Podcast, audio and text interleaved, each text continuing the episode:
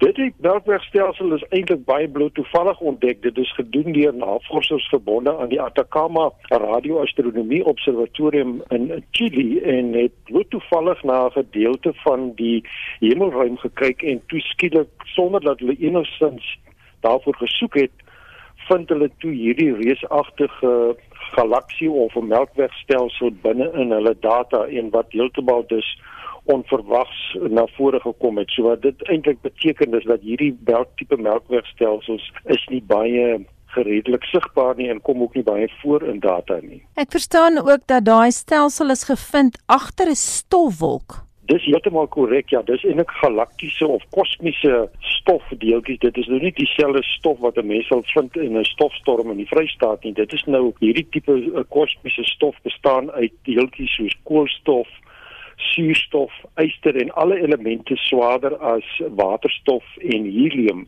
wat nou uiteindelik die boustene gaan vorm van planete en dis ook alle forme van 'n lewe wat dan uit hierdie tipe stof dan éventueel gaan saamgestel word. Pieter, wat is die implikasies van die ontdekking? Dit het nogal redelike groot implikasies in die gebied van astrofisika en uh, die sterrekunde. As ek die uh, navorsers reg verstaan, dan is daar een van die uitstaande probleme of vrae in die sterrekunde is natuurlik hoe het hierdie reusagtige of monsteragtige sterrestelsels of galaksies nou weer eintlik ontstaan en so vinnig gegroei toe die heelal eintlik nog basies in sy kinderskoene was. Ons praat hier van toe die heelal ongeveer 'n ouderdom gehad het van 10% van sy huidige ouderdom. As jy mens kyk na die teoretiese modelle en die teoretiese voorspelling van hoe galaksies en melkweg moes ontstaan het, dan klop dit heeltemal nie met ons voorspellings nie. So wat dit eintlik beteken is dat hierdie melkweg wat ons nou ontdek het, eintlik vir ons uh, die vermiste skakel kan beteken om te verstaan en ook te verduidelik hoe hierdie melkwee werklik so vinnig kon groei teen 'n tempo wat ongehoord is. En op die oomblik het ons geen antwoorde daarvoor nie. Ons verstaan dit eenvoudig nie. Ons verstaan dit eenvoudig glad nie en die hele idee gaan nou wees om verdere navorsing te doen en dan ook ander tegnologieë te gebruik om na die vorming van planete en ook galaksies te kyk wat dan vir ons verder lig kan werp op hierdie reusagtige melkwee wat verskuil is en wegkruip agter reusagtige stofwolke in die ruim en dan wat dan ook natuurlik baie oud is want ons dink dat hierdie spesifieke melkweg is eintlik 12.5 1000 miljoen jaar oud. So hmm. die elektromagnetiese straling of die lig wat ons op die oomblik waarneem het eintlik 12.500 miljoen jaar gelede wegbeweeg van hierdie stelsel af en wat ons nou sien is eintlik die vorming nie die die sterre self nie maar wel die gasdeeltjies of die gasmolekules wat verhit word en dis uitstraal as gevolg van hierdie vinnige tempo waarteen sterre gevorm word in hierdie melkweg self. Pieter, jy het net nou gesê dat hierdie ontdekking toevallig gemaak is.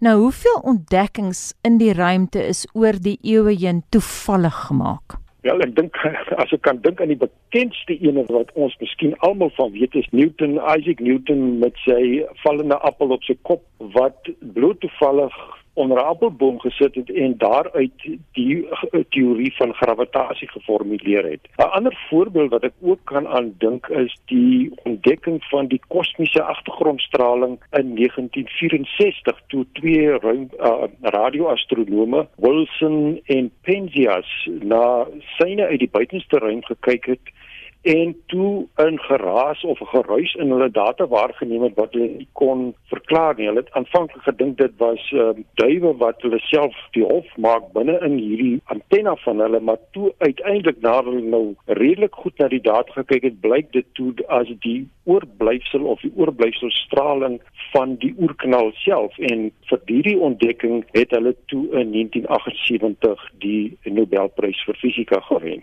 My eerlike opinie is ek dink ons krap nog net aan die nervies van die oppervlak. My persoonlike ervaring is van hoe meer mense te wete kom van wat in die ruimte aangaan en ook in die natuur self hoe meer besef jy eintlik hoe min weet jy eintlik want die hele doel van navorsing globaal as 'n mens na die globale prentjie daarvan kyk, is eintlik maar om te verstaan hoe werk die heelal self. 'n Mens kan amper sê hoe om te verstaan hoe werk die natuur van die kwark na die kwasar toe. So daar lê nog 'n reuse veld voor om te ontdek en ek dink ons het nog maar net 'n baie klein deeltjie opgekrap en meer mense opkrap om meer besef jy eintlik daar is nog meer om te ontdek.